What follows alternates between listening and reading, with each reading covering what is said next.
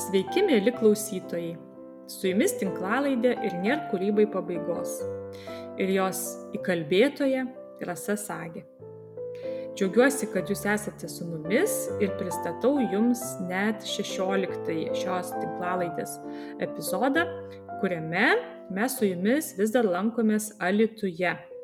Alitus kitais metais 2022 taps Lietuvos kultūros sostinė. Tai manau, kad esame pačioje teisingoje vietoje. Ir kalbėsiuos šį kartą su turbūt viena iš ryškiausių kultūros personalijų ir be jos turbūt Alitus nebūtų toks, koks jis yra dabar, su Alitaus miesto teatro direktorė Inesa Pilvelytė. Jau antrą kadenciją Inesa vadovauja teatrui ir tikrai žinau, kad ji labai labai daug pakeitė teatro ir labai aktyviai tikrai kūrė labai daug spektaklių, žinoma, ne per karantiną, bet prieš. Na, pakalbėsime ir apie tai, ką jie veikia per karantiną, kai viskas sustabdyta. Inesa yra pati aktorė, nuostabi aktorė ir režisierė. Kaip Inesa pasakojo viename iš interviu, kad ji tiek turi daug idėjų ir tiek kupina įvairiausių minčių ir projektų, vienas pasibaigia, jau norisi daryti kažką kitą, kad net kartais naktimis negali miegoti. Nuo tiek idėjų gausos ir, ir tos energijos verdančios viduje, tai aš manau, tokie žmonės yra be galo, be galo svarbus mūsų kultūros gyvenimui.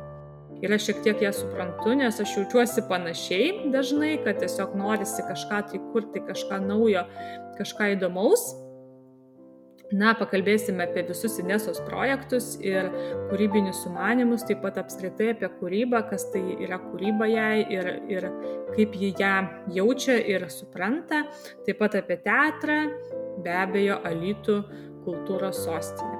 Tai laukia mūsų visų įdomus pokalbis ir ką ilgai jūsų negaišinsiu, tik tai trumpai priminsiu informaciją, kad ši tinklalaidė pasirodo kas antrą pirmadienį, tai yra jau šešioliktasis jos epizodas. Labai dėkui, kad klausotės, kad dalinatės. Tinklalaidės draugas yra 15 minučių klausyk.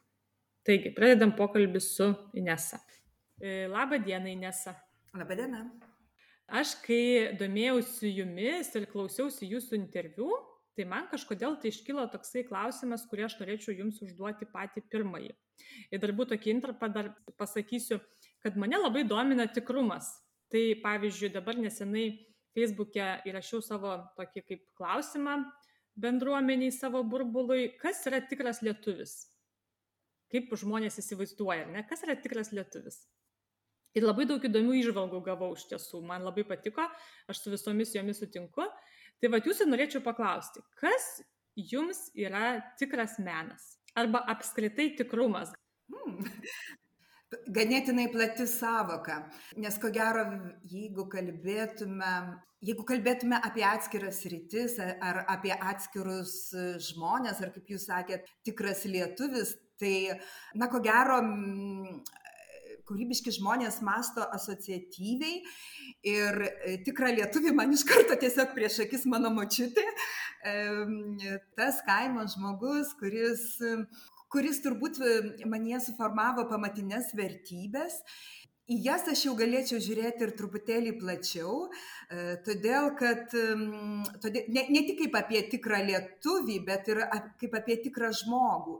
Turbūt močiutė įskiepijo tai, kad visada turiu galvoti ne tik apie save, bet ir apie šalia esančius žmonės ir todėl tikras žmogus man pirmiausia turbūt irgi asocijuojasi su tuo, kad tu esi atsakingas už, už šalia esančius, už savo šeimą, už savo šalį, už savo bendradarbius, už savo darbus, už, už, už savo kūrybą.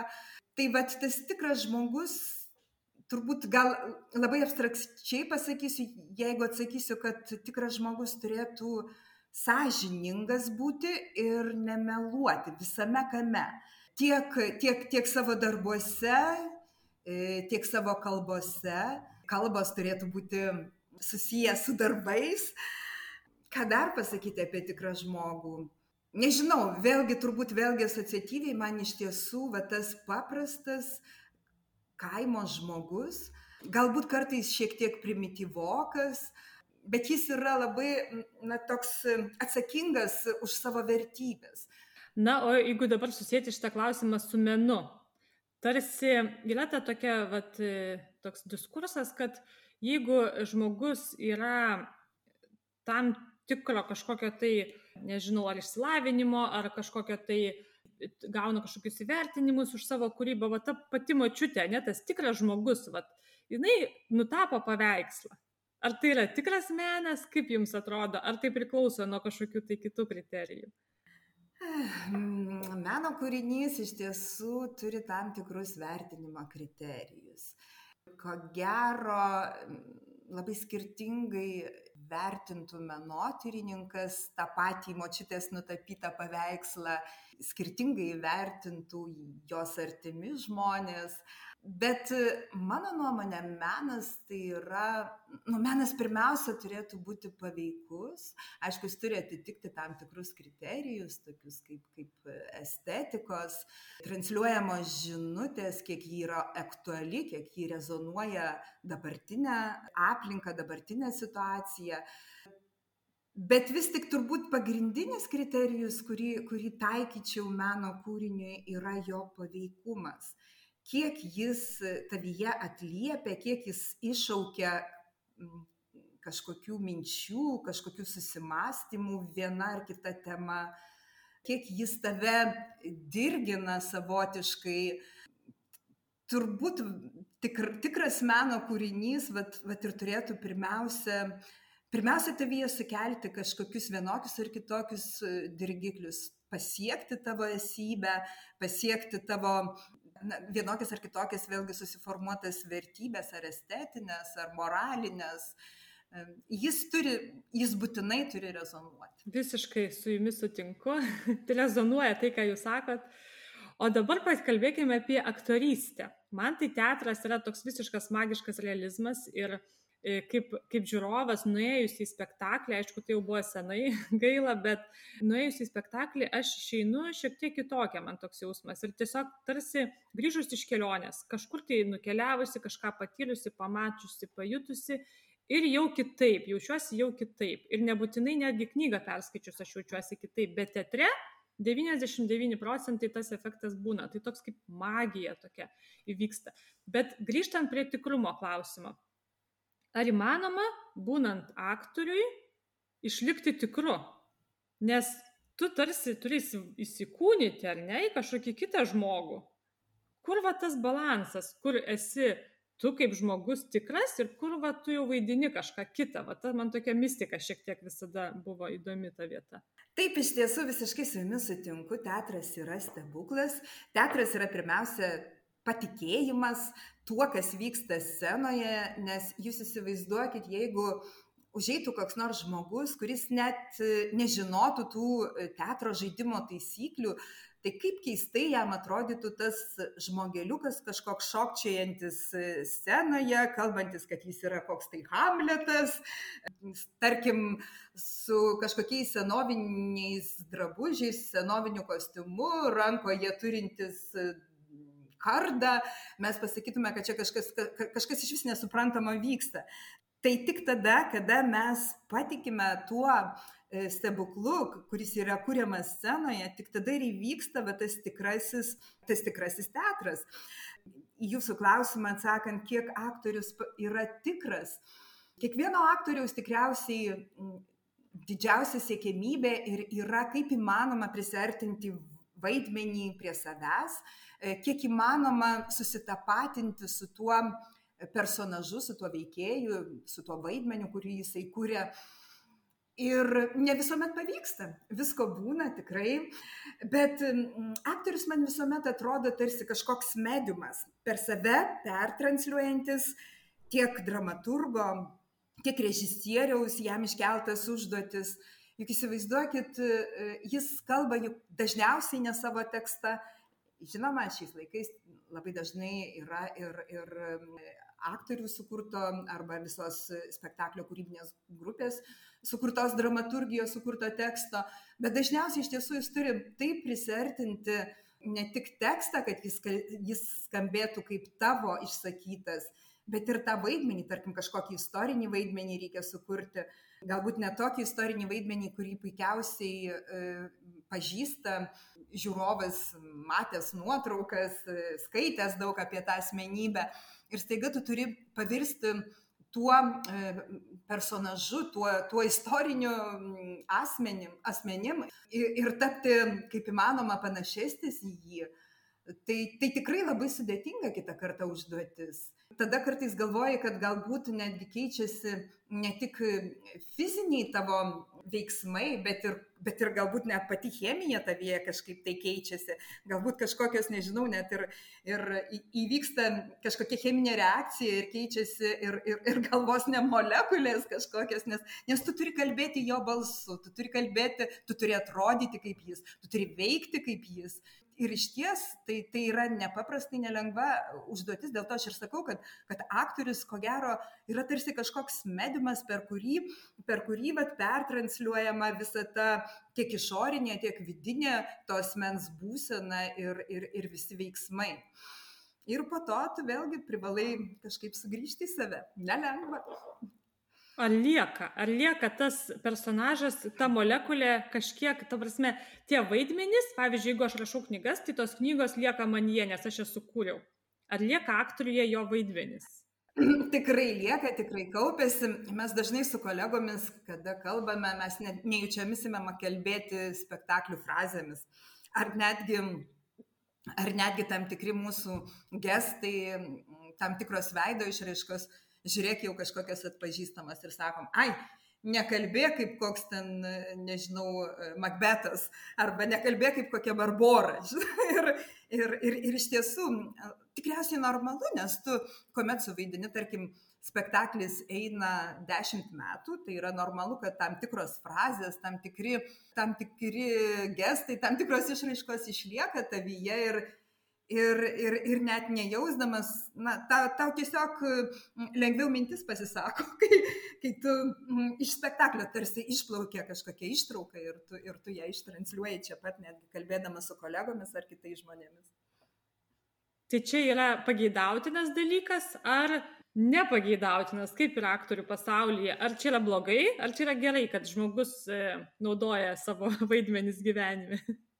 Aš tai nematau nieko blogo tame, e, galvoju, galvoju, kad iš tiesų, na, tam tikros frazės, jeigu tai yra geros literatūros frazės, o kodėlgi jų nenaudoti ir kasdienėme gyvenime, juk mes dažnai cituojame tiek ištraukas iš knygų, tiek tam tikrus posakius ar tautosakos, e, tam tikras, nežinau, patarlės posakius, tai, tai greičiausiai nieko tokio. Žinoma, kur kas, kur kas blogiau, jeigu iš tiesų tie vaidmenys kažkaip tai taip, taip jau į juos įsigyveni, kad e, natūraliame gyvenime staiga grafauji ar, ar ten, e, nežinau, koks tai aukos vaidmuo tavo atitekęs ir tu, ir tu toliau su tuo gyveni. Nežinau, aš esu girdėjusi, kad, kad taip yra, taip nutinka, yra istorijų, kuomet iš tiesų vieni ar kiti aktoriai, vieniems ar kitiems aktoriams labai sunkiai se, sekdavosi išeiti iš vaidmenų. Nežinau, man taip nėra labai, nu, ne, nėra taip nutikę, tai sunku taip ir atsakyti. Kažkaip sugebu susitvarkyti ir uždaryti tą kosmosą po spektaklių. Nu ir dar vieną klausimą labai noriu paklausti apie tos e, teatro, kaip sakoma, virtuvę. Kaip sakoma, yra ne ta ketvirta siena, kuri dabar tarsi išnykusi, nes yra bendravimas su žiūrovu. Ar jūs, kai vaidinat, žiūrit iš tikrųjų žmonės, ar tik tai tokia iliuzija? Nes aš, kaip, pavyzdžiui, sėdžiu teatre ir žiūriu labai gerą spektaklį, tai man atrodo, kad į mane žiūri visą laiką tas aktorius. Kaip čia tas, ta mistika vyksta, kad visiems atrodo, kad jį žiūri?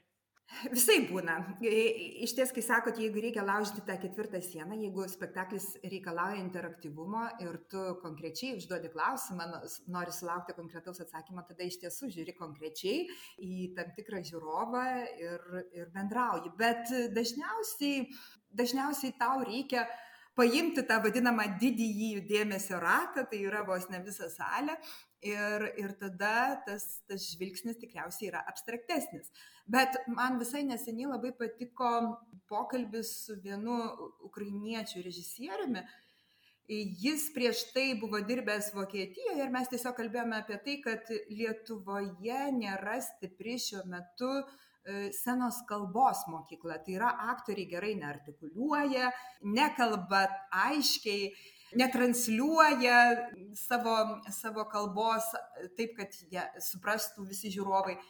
Ir, ir, ir jis sutiko, kad ta pati situacija yra ir Ukrainoje, nes, sako, mes buvome mokomi to paties, tos pačios mokyklos, tai yra rusų teatro mokyklos, kuomet mums, kaip jau minėjau, reikia paimti tą didįjį ratą ir mes tarsi kalbame su visa žiūrovų sale.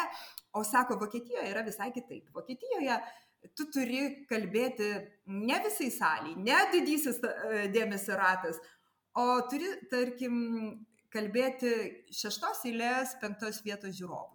Bet konkrečiai, e, tai yra, tu turi įsivaizduoti, kad tu sakai vienam žmogui, tu vienam žmogui išsakai savo mintis ir tada tu gali sakyti tyliai, bet tave tikrai jisai girdės. Tai yra, tai yra vėlgi tam tikra magija, tai yra tavo siunčiama žinutė konkrečiai tam žmogui ir visai normalu, kad tave išgirsta visa salė, nors tu atrodo sakai tik tai vienam žmogui. Aš irgi girdėjau tą, tą kaip pasakyti, ne teoriją, bet galbūt tokį metodą, kad jeigu, pavyzdžiui, e, skaitai paskaitą auditorijai, tai reikia išsirinkti vieną žmogų, patį tokį maloniausią, draugiškiausią, kuris, su kuriuo tu rezonuoji. Ir tada, jeigu tu sakai viską tam žmogui, tai tada visa salė jaučiasi labai draugiška. Tokia atmosfera pasklinda. Tai čia tokie gal metodai. Iš... Tikriausiai, tikriausiai tai. Na, o ką jūs pasakytumėt žmonėm, arba galbūt įtikintumėt kažkaip žmonės, kurie kaip pavyzdys mano tėvas, jisai sako taip, kad e, gyvenimas yra teatras ir visiškai nebūtina eiti į teatrą. Sako, man to teatro pilna ir darbe, ir namuose, ir žiniasklaidoje ir taip toliau. Kaip jūs atsakytumėte į tokį, sakyčiau, keistą pasakymą? Na, turbūt yra tame tiesos, mes dažnai sulyginam tiek teatrą, tiek artistus įvairiais, arba atvirkščiai įvairius politikus prilyginam artistams. E, bet teatras, manau, kad iškelia kur kas daugiau klausimų, paliečia kur kas daugiau temų. E, ko gero verta nueiti ir tokiam žmogui į teatrą, nes, nes galbūt, galbūt ten jis yra kur kas daugiau atsakymų ir ir pamatys ir iš tiesų ir, ir iš tiesų tiek vizualiai atsakymų, tiek konceptualiai atsakymų ten ras. Tiesiog sakau, reikia pamėginti. Teatras yra, žinoma, var, tam tikrų įpo, įpročių formavimas. Ir mes negalime pasakyti, kad mums nepatinka, tarkim, koks nors, nežinau, čia varškės tortas e, su ten kokiais tai marcipanais, jeigu mes jo neparagavome. Uh, tai iš tiesų reikėtų teatras juk labai pasikeitė galbūt nuo tada kada jisai kažkada seniai seniai buvo ir ir būtent buvo gal tas nelabai geras susitikimas su teatru. E, lygiai taip pat kaip mes kažkada galbūt paragavome jaunystės e, torto ir jis mums nepatiko. Tai nereiškia kad dabar nėra sukuriami kur kas skanesni tortai ar, ar kažkokie kitokie patiekalai. Lygiai taip pat yra ir su spektakliais. Galbūt tai tiesiog ne tavo spektaklis buvo, su kuriuo tu susidūrėjai, kurį tu matei. Ir tai vėlgi yra labai normalu. Mm, kaip ir aš tikrai va dabar sulyginu su kulinariniais patiekalais, bet, bet iš tiesų kiekvienam skoniui turbūt yra skirtingas patiekalas, taip, taip ir su spektakliais. Gal tiesiog tai buvo ne tavo spektaklis, gal ateik, pažiūrėk kitą ir, ir būtent kitas spektaklis tau padės rasti atsakymus, tave kažkaip kitaip įkvėps ar motivuos ar, ar, ar atlieps tavo dabartinės problemas. Bet argi spektaklis ir teatras nėra savotiška meditacija? Nes aš įsivaizduoju, jeigu žmoguje vyksta karas ir jisai yra visas savo reikaluose ir problemų sprendimuose, jeigu ten jo namai dega, jis tikrai nežiūrės to spektaklio. Tai galbūt tai yra susijęs su žmogaus vidinė būsena, tikramų žmonės gali iš tikrųjų mėgautis teatru. Na, turbūt yra vėlgi labai daug skirtingų žanrų. Yra pramoginis teatras, kada kaip tik po karo galbūt tau reikia ateiti ir at, na, atsipalaiduoti, galbūt tau trūksta tų linksmų emocijų, teigiamų, pozityvių emocijų. O yra ir eksperimentinis teatras, kuris kelia pačias, pačias na, šiuolaikiškiausias problemas į paviršių. Yra tragedija, yra komedija, yra tiek daug žanrų, yra muzikinis teatras, yra objektų teatras, kuris tau padės asociatyviai geriau mąstyti. Yra iš ties, na, na kaip ir sakiau, yra tiek daug teatrų rūšių ir tokioms skirtingoms auditorijoms tokiems skirtingiems segmentams, kad, kad, kad tau tai reikia tik tai šiek tiek domėtis tuo teatru ir, ir, ir tu tikrai, ar tu, ar tavo artimieji gali surasti būtent, būtent tą spektaklį, kuris tau šiuo metu reikalingas. Nu, mane įtikinat. Tikiuosi ir klausytojus įtikinat, nes mane tai tikrai įtikinat. E, dabar apie jūs norėčiau paklausti. Jūs esat mano akimis toksai universalus žmogus, kurių nėra turbūt labai dažnas atvejis, kuris turi daug ir skirtingos rušies talentų. Jeigu, pavyzdžiui, yra labai talentingas aktorius, tai nebūtinai jis yra organizatorius talentingas, arba jis nebūtinai vadovas. Dažniausiai netgi taip nebūna, ar ne? Arba jeigu labai talentingas dailininkas, tai jis tiesiog nemoka savo paveikslų parduoti, nes čia yra visai kiti įgūdžiai reikalingi, ar ne? Kaip jūs jaučiatės darydamas skirtingus darbus, nes jūs esate vadovė, teatro direktorė, aktorė ir dar režisierė. Tai kaip jūs, kaip jūs pasirstot savo tą energiją ir tai yra skirtingi dalykai, ar kažkaip jie jums yra tas pats dalykas iš esmės? Be jokios abejonės tai yra tikrai labai skirtingi dalykai ir turiu savyje atrasti tuos mygtukus, kuriuos turiu įjungti, paspausti, kuomet, kuomet aš atlieku ar tai direktorės rolę, ar tai iš tiesų atlieku rolę scenoje. Ir labai dažnai aš kaip direktorė vis tik pavydžiu tai aktoriai, Nes tuomet, tuomet nerūpi daugybė įvairių ūkinių reikalų. Nerūpi, kur gauti finansavimą spektaklį sukurti ar festivalį organizuoti. E, nerūpi, tarkim, paprasčiausi ūkiniai reikalai, kad staiga pasnygo ir reikia būtinai nuvalyti aplinką aplink teatrą. Bet ar tikrai nerūpi? Vat, vat tam yra klausimas, kaip, kaip, ne, kaip nerūpi, jeigu realiai vyksta. Ne, žinokit, iš tiesų, tu, tu naini į grimerinę ir tu privalai išjungti save kaip direktorę. Tu atsisėdi prieš veidrodį grimerinėje ir tu esi jau, tarkim, koko ar blanšą iš geismų tramvajaus ir tu, ir tu nebegali, nebegali e, iš ties galvoti kaip direktorė tuo metu. Magija įvyksta, ar ne, tiesiog? Magija įvyksta, tu privalai įsikūnyti. Tai ko gero labai panašu, panaši situacija yra ir kuomet režisuoji. Taip, pastaruoju metu aš jau seniai režisavau spektaklį, bet aš žinau, koks tai yra sudėtingas procesas, nes iš ties tada visas pasaulis tau pasidaro tavo mintys visos sukasi tik apie tą spektaklį. Ir mano manimo, kad režisieriaus darbas yra vienas sudėtingiausių teatre, nes tuo metu jau privalai atidaryti visus liukus į kosmosą, taip sakant, iš tiesų pasiduoti visai tai ir sirpti visą tą energiją, nes e, spektaklį sukurti tai jau yra tikrai Dievo duotybė, aš taip manau, nes, nes kaip nepamenu, kuris režisierius yra pasakęs, kad tuo metu tu esi išties tarsi Dievas, nes e, tu kuri pasaulį, tu kuri visą, visą didelę istoriją, tu kuri aktorius, veikėjus, tai yra, kurie veikia tame spektaklėje, tu kuri aplinką, tu kuri atmosferą, tau iš ties yra nepaprastai didelė užduotis sukurti visą tą pasaulį, kuris vėliau vienai par kitaip veiktų žiūrovą. Tai su visa pagarba iš ties režisieriams ir, ir, ir režisūrai kaip profesijai. Tai jūs sugebat, ar ne, čiukt, ta prasme, galbūt jūsų ak aktorės talentas padeda, nes, pavyzdžiui, man tai yra labai sunku, kai man reikia daryti sakykime, tą marketingą ir rašyti. Tai yra, nu, taip skirtingi dalykai ir mes visos, visos rašytojos su tuo labai sunkiai susidoroja iš tikrųjų. Tai jūs kažkaip, jums lengvai taip, o negaunasi tie, tie dalykai, vien dėl to, kad jūs kažkaip mokat tą magiją įjungti, ar kaip čia. Na, be jokios abejonės, kad matyt, aš savyje turiu ir tam tikrus organizatorius gebėjimus. Ir ko gero, jie pasira, pasireiškia dar vaikystėje nežinau kaip, bet vis sugebėdavau e, uždegti visą klasę, daryti vienokius ar kitokius darbus. Na, tam, tam tikri e, lyderės gebėjimai tikrai yra. Ir sugebu tuos visus darbus po to skaldyti, išskirstyti pagal tam tikras, tam tikras užduotis, pagal pareigybės, pagal funkcijas. Manau, kad šitai pastebėjo ir kolegos, kurie kažkada motivavo mane e, siekti direktorės posto, dalyvauti direktorės konkurse. Ir žinoma, visko būna tikrai taip, kaip ir, kaip ir kiekvienam žmogui būna ir sunkesnių, rutininių darbų, būna įvairiausių iššūkių, bet, bet tai tikriausiai yra normalu. Papasakokite apie savo mamos lyderių kalvę. Nes kaip jūs auklėjo, kaip jūs augino, kad jūs taip kažkaip pat taip užaugot?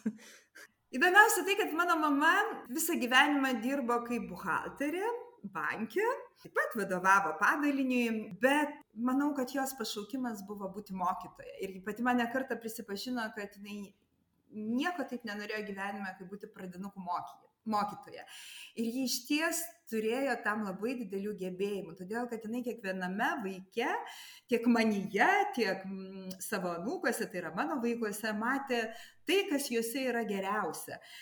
Ir taip, ir, ir nuo pat mažens ji manie tikrai labai skiepijo lyderės tam tikras savybės, nuolat kartodama, kad tai, ką padariau, yra geriausia, gražiausia, įdomiausia. Jeigu nupiešiau, tai tikrai gražiausiai. Jeigu sukūriau eilėraštį, tai jisai būdavo išaukštinamas iki. Ir iš tiesų vaikui labai svarbu tai, kad tavimi kažkas tiki. Manau, kad kiekvienam žmogui yra labai svarbu, kad tavimi kažkas tiki, kad tave motivuoja dar geresniems darbams, dar gražesniems kažkokiems, tai ar tai piešiniams, ar tai kūriniams. Ir, ir štai jinai, aš žinau, kad jinai ta geroji dvaselė, kuri iki dabar, kur, kurie jai bet kada be paskambins, jinai moka pasidžiaugti tavo darbais, tavo tam tikrais pasiekimais čia yra tikro pedagogo, manyčiau, pačio geriausio pedagogo savybės. Kuo daugiau mūsų mokytojai gebėtų motivuoti, gebėtų pagirti tą vaiką, to manyčiau, daugiau mes lyderių išaugintume. Bet dėje mes tikrai daugelis žinome, kad, kad esame auklėjami bizūno principu, tai yra pirmiausia, kas blogai, kas negerai, vietoj to, kad, kad, kad pagirtume, kad kažkaip paskatintume. Čia iš tiesų toksai gana retas atvejis, nes galbūt tokia kaip ir visuomenės nuomonė, kad vaiką, nu gal dabar jau aišku keičiasi, bet sakykime prieš kokius 40 metų, tai kad vaiko negalima girti, nes jisai išleps. O jeigu jisai išleps, tai jis tada toksai ir bus išlepęs, nieko gyvenime nesiekiantis. Tai tiesiog, nu, neteisingas galbūt toksai įsitikinimas, ar ne kažkoks tai.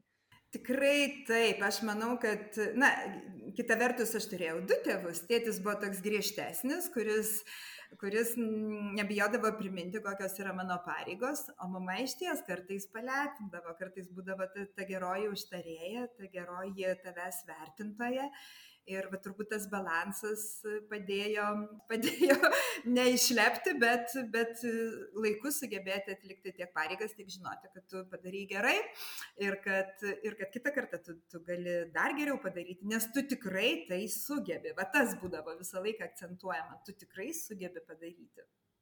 Ir galbūt dėl to, kaip jūs sakėte, jūsų svajonės visos išsipildo jeigu mes esame kūrėjai, tai mes ir svajonę savo išpildom. Tikrai kartais aš pastebiu savyje ir net vadinu save maža ragana, nes, nes labai dažnai e, tai, ką susvajoju, o ypatingai jeigu tą svajonę užrašau, ir vėl pasakysiu kad supratau, jog labai yra svarbi na, tavo kūno kalba ir labai svarbus yra tavo raštas, todėl kad jeigu tu rašai, net ne kompiuteriu, bet būtent rankomis užrašai tam, tikrus, tam tikras savo mintis, tam tikras savo svajonės, tai jos turi labai didelę tendenciją išsipildyti. Nes manau, kad tuo metu vėlgi atsidaro tam tikras kosmosas ir tam ten, kam reikia, danguje tave išgirsta ir padeda išpildyti tavo svajonės. Man taip tikrai yra buvę ne kartą, net, net kartais labai stebėdavausi, kad kažkada vos ne prieš penkis metus parašytas tavo noras. Žinoma, tu turi tuo metu iš ties, kaip sakau, atsidaryti, at, vėl atidaryti tuos liukus ir, ir iš ties ir visą tai daryti vėlgi labai nuoširdžiai, labai to tikėdamas ir tuomet tave tikrai kažkas ten išgirsta ir padeda išpildyti tavo norus. Ir turbūt tas mamos užprogramavimas, kad aš galiu, aš galiu, tai va tas galbūt irgi padeda, ar ne? Nes jeigu, sakykime, žmogus užaugęs kitoje atmosferoje, kur tu negali, tu negali, tu esi per silpnas, per paprastas, per mažas, per neturtingas, per kažkoks, tai tada galbūt ir tos svajonės netaip pildosi. Aš tai kažkaip matau koreliaciją šitoj vietoj. Tikrai visiškai pritariu. Aš, aš kaip ir minėjau, labai, labai labai svarbu kiekvienam žmogui turėti tą savo patikėtoją. Tai yra tą žmogų, ar mama, ar vyras, ar kolegos, kurie tiki tavimi. Ir, tai, ir kurie tave motivuoja, kurie tau pasako, tu padarysi, tu, tu tikrai tai sugebi. Nes kitą kartą pačiam žmogui reikia būti labai stipriam, kad nugalėti visą aplinkos priešpriešą. Žinoma, kad mes jo sutinkame ir, ir tikrai sutiksime, mm, nes jeigu tu tik tai šiek tiek daugiau išlendi negu kad eiliniai žmonės, visi, visą laiką tave kažkas norės vėl sugrūsti atgal. Nebereikalo Konfucijus kažkada sakė, kad geriausia būti lygiais vinimis, nes jeigu nors vienas vinis tik išlys, visą laiką kažkas norės jį įkalti atgal. Tai labai svarbu turėti tą žmogų, kuris tiki tavimi ir kuris tave palaiko. Be galo svarbu turėti. Na ir ar daug turite svajonių šiuo metu?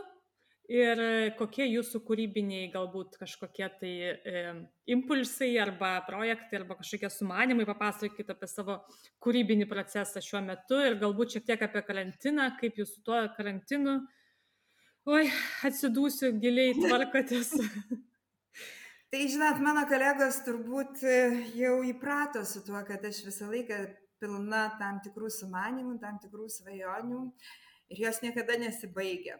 Man labai lengva tikrai užsikabinti už tam tikros, na, net kažkur išgirstos minties ar kažko pamatyto E, kažkokio tai veiksmo ar, ar išvysto spektaklio, ar kažkokios, nežinau, gerosios praktikos, gerųjų patirčių ir čia pat gimsta mintis, kaip mes galime padaryti, ką mes galime, kaip mes galime įgyvendinti panašų ar visiškai kitokį projektą, ar, ar tiesiog kažkokia nauja idėja čia pat gimsta mintise. Ir, na taip, kaip jau ir minėjau, turiu turbūt kažkokią savybę, kad beveik 90 procentų išpildau tą savo, įgyvendinu tą savo idėjas ir turiu labai puikią komandą. Pirmiausia, noriu pasakyti, kad iš ties kiekvienam žmogui turėti ne tik palaikytoją, bet ir puikią komandą. Tai yra kiekvienam lyderiui taip kiekvienam lyderiui labai svarbu turėti tuos kurie lydi tave. Todėl man net ir tas žodis lyderis lietuviškas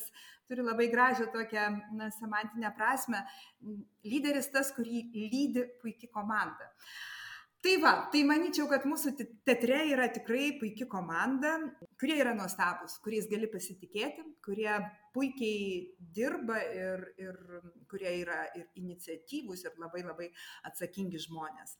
Tai štai o kaip o kaip jaučiamės karantino metu? Ar turime svajonių? Aišku kad jų turime. Nežinau gal kažkam karantinas ir buvo tam tikras sąstingio metas? Tikrai ne mums pernai mes e, įgyvendinome aštuonis Lietuvos kultūros tarybos projektus, kaip paprastai būdavo keturi kokie, tai pernai jų padvigubėjo. Negana tol e, laimėjome ir įgyvendinome du ES projektus.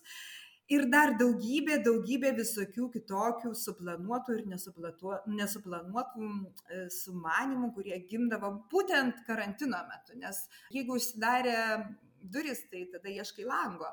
Suradome tam tikrą idėją, kaip išlaikyti ryšį su žiūrovais, kuris, kuris nepaprastai yra svarbus ir karantino metu. Ir mes netgi, sakyčiau, ne tik išlaikėme ryšį su tais lojaliaisiais žiūrovais, bet priešingai susipažinome ir su tais, su kuriais niekada anksčiau gal ne, ne, nesusitikome, ne, nepasimatėme. Būtent tas virtualus pasaulis leido pasiekti ir, ir tuos žiūrovus, kurie yra toli nuo, nuo Lietuvos, toli nuo mūsų teatro ir kurie apskritai niekada nesilankė teatre. Tokiu būdu m, mm, sukūrėme tokį virtualų projektą kaip Vilnoniai pokalbiai, kuomet bendravome su seniorais, su senelių namuose esančiais ir ne tik ir su pavieniais seniorais, e, kuriuos pavyko įvairiais būdais pasiekti, tiek telefonu kūrėme, na, tarsi, na, tokią sidabrinę liniją savotišką, bet ji buvo pripildyta kultūrinio turinio. Vėliau atsirado virtualūs pokalbiai su jaunimu, su, su vaikais, netgi tokios kultūrinės mankštos gimė ir, ir, ir buvo labai labai patrauklios, nes kiekvieną rytą e, bendraudavome su pradinukais ir, ir tam tikros kūrybinės, tokios kultūrinės mankštelės vykdavo, kad prabudinti kūrybiškumą juose, kad pabusti iš miego kūrybiškai ir, ir, ir taip aktyvizuotis. Tai iš ties, iš ties ir karantinas gali, gali tavyje pažadinti labai daug e, kitokių kūrybinių, kūrybinių atradimų, kūrybinių ieškojimų.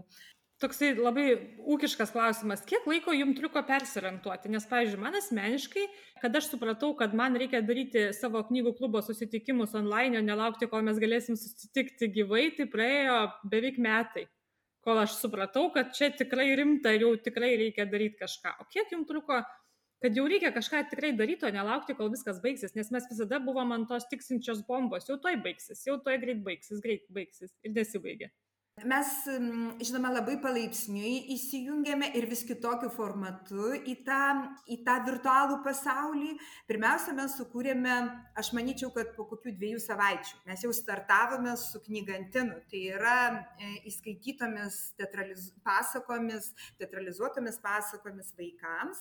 Mes iš ties turime nuostabų video meistrą teatre ir, ir turbūt vat, jo pagalba pirmiausia atidarėme tą langelį į žiūrovus, į mažuosius žiūrovus ir čia mes bendravome kartu su Jurgio Kunčino biblioteka, e, jie padėdavo parinkti pasakas, mes jas e, kūrybiškai pateikdavome, tada skatinome vaikus, tą grįžtamą į ryšį, kad jie kurtų pagal tas išgirstas pasakas piešinius.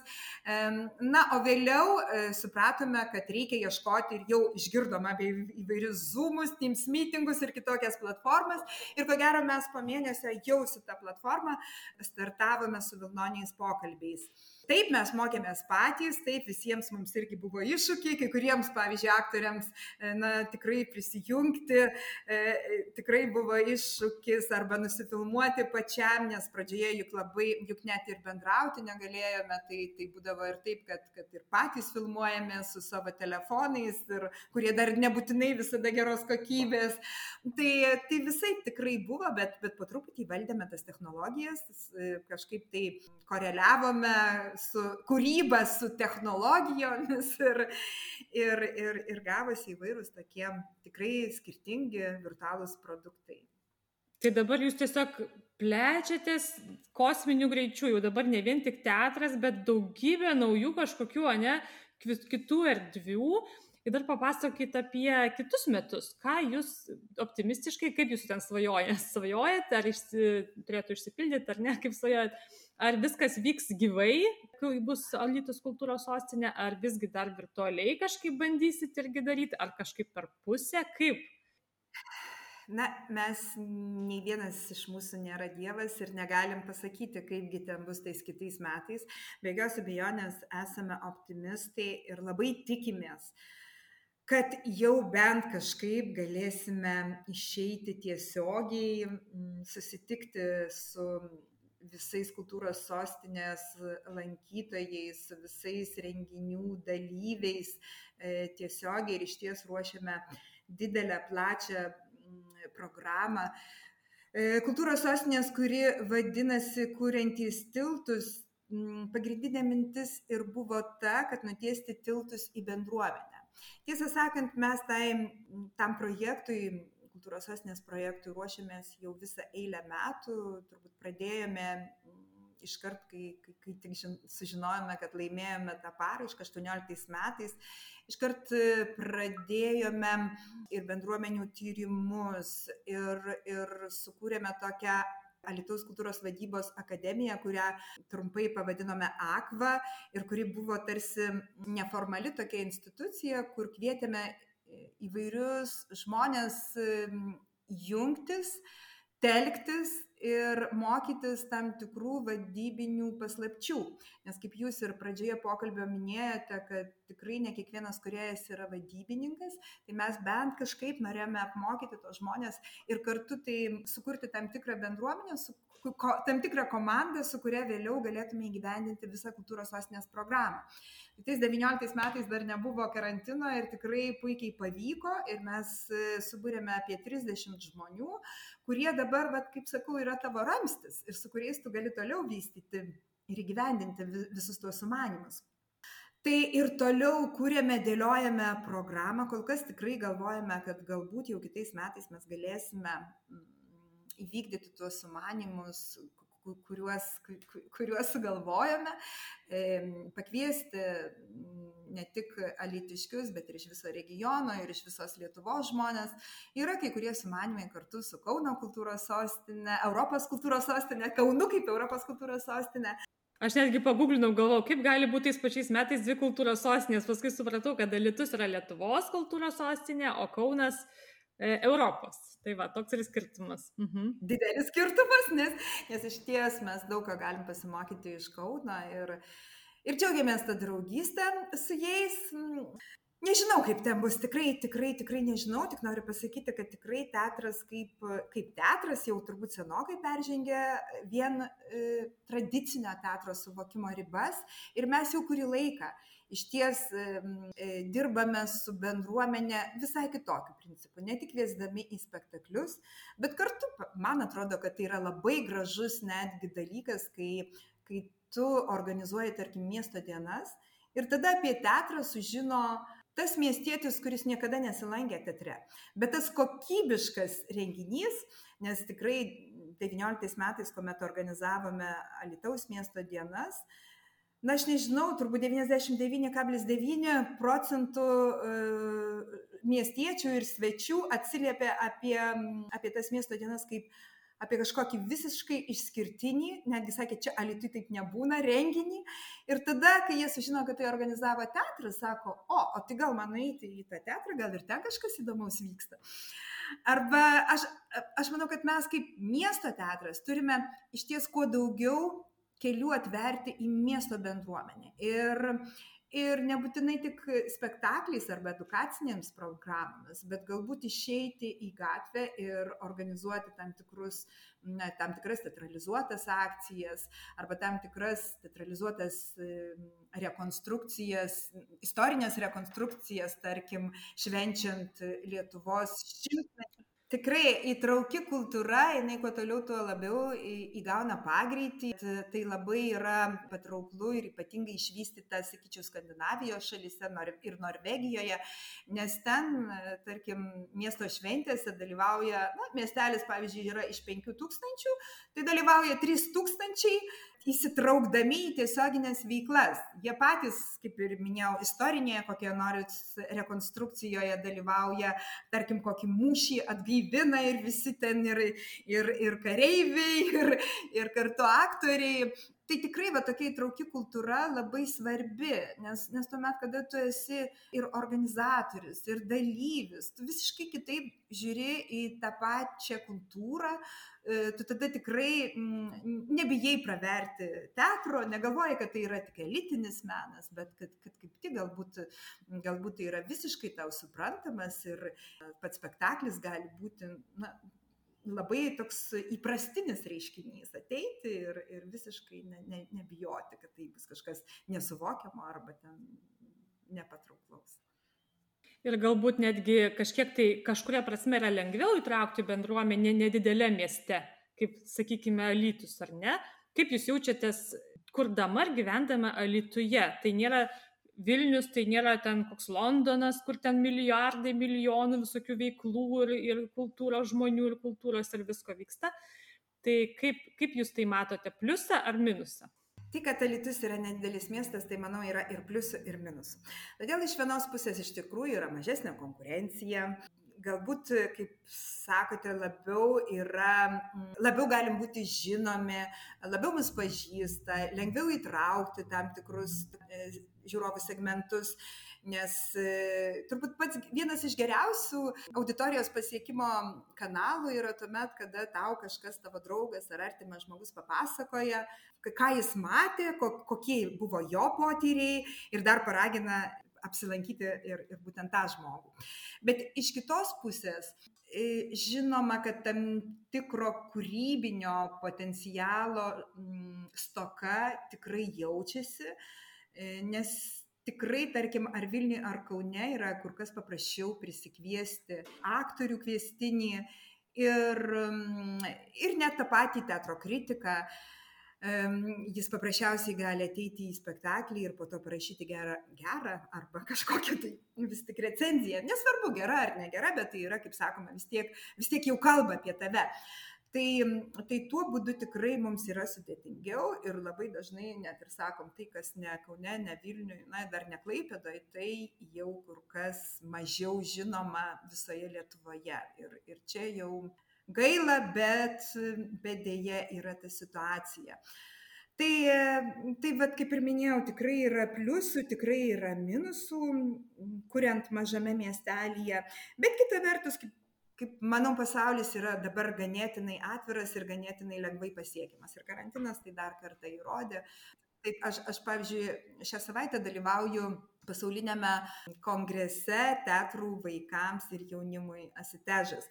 Ir visą savaitę stebiu spek geriausius spektaklius, dalyvauju tam tikrose diskusijose, pokalbiuose apie teatrą vaikams. Taip kad nereikia važiuoti į Japoniją tam, kad, tam, kad galėtum sudalyvauti tokiame kongrese. Iš tikrųjų, atvėrė labai daug galimybių. Aš irgi pastebėjau, kad aš dabar dalyvauju renginiuose, į kuriuos netgi galbūt čia ir neėjusi dėl laiko stokos arba galbūt man būtų nelabai įdomu. Ir dabar šiuo laiku kažko naujo išmokti, kad ir, sakykime, kaip jūs sakot, vadybinių kažkokių, e, kažkokius kursus perėti, ar šiaip bet ko, vat, naujo išmokti, arba kažką tai susijungti su kažkokia tai kita bendruomenė, dalyvauti, tai yra taip paprasta, tiesiog tik tiek, kad jau nuo to kompiuterio bloga darosi, bet, bet iš esmės tai tai jo bet jeigu dar taip balansas atsira atsirastų kad ir šiek tiek negyvai ir šiek tiek gyvai tai iš viso būtų tobula. Aš manau, kad tai, ką mes dabar išmokome, tai ir ateityje tikrai naudosime, nes technologijos parodė, kad nebūtina e, naudoti savo laiko, e, važiuojant kažkur labai toli, o galima puikiausiai sudalyvauti ar tam tikruose mokymuose, ar seminaruose, ar e, lengvai susisiekti, sukomunikuoti su, tarkim, režisieriumi, kuris gyvena Italijoje ir susitarti dėl, dėl darbo sąlygų. Tai tikrai, tikrai reikės jau kažkaip tai pritaikyti tas žinias ir tada, kai sugrįšime iš karantino. Tai ką, labai linkiu Jums tikrai geros, kaip sakoma, klotės su teatru ir su visais kūrybiniais procesais ir visom kūrybinėm idėjom, kurios turbūt dabar galbūt įgyvendinamos, bet tik tai kitokiu formatu tikrai labai man patinka Litus ir aš labai džiaugiuosi tenai apsilankydama. Nelabai dažnai buvau, bet tikrai labai gražus miestas ir toks nedidukas ir jaukus ir žmonės labai draugiški, tikrai labai tokia simpatija siunčiu Alitui. Ir ką, tai turbūt jau pabaigai tiesiog norėčiau jūsų paklausti paskutinio klausimo, kažką pasakyti mūsų klausytojams, kaip tradiciškai, gal ar kažkokį palinkėjimą, ar pastebėjimą, ar pakvietimą, ką norėtumėt pasakyti. Pirmiausia, tai aišku, didžiausias palinkėjimas, kad kuo greičiau mes visi kažkaip susidorotume su šita, nežinau, pandemija, su šita koronė, kaip, kaip įprasta jau sakyti. Būti sąmoningai, saugoti save ir kitus. Na ir tuomet, kai jau galėsime susitikti, labai labai kviečiu atvykti į Alytų arba sekti tiesiog mūsų teatro puslapį, čia vykstančius įvairius spektaklius, renginius. O kitais metais aš net nebejoju, kad e, apsilankysite kultūros sostinės įvairiose renginiuose, įvairiose veiklose, nes mano duomenimis jau šiai dienai jų yra numatyta virš 300. Tai yra kultūros sostinė kiekvieną dieną. Mes to ir siekiame.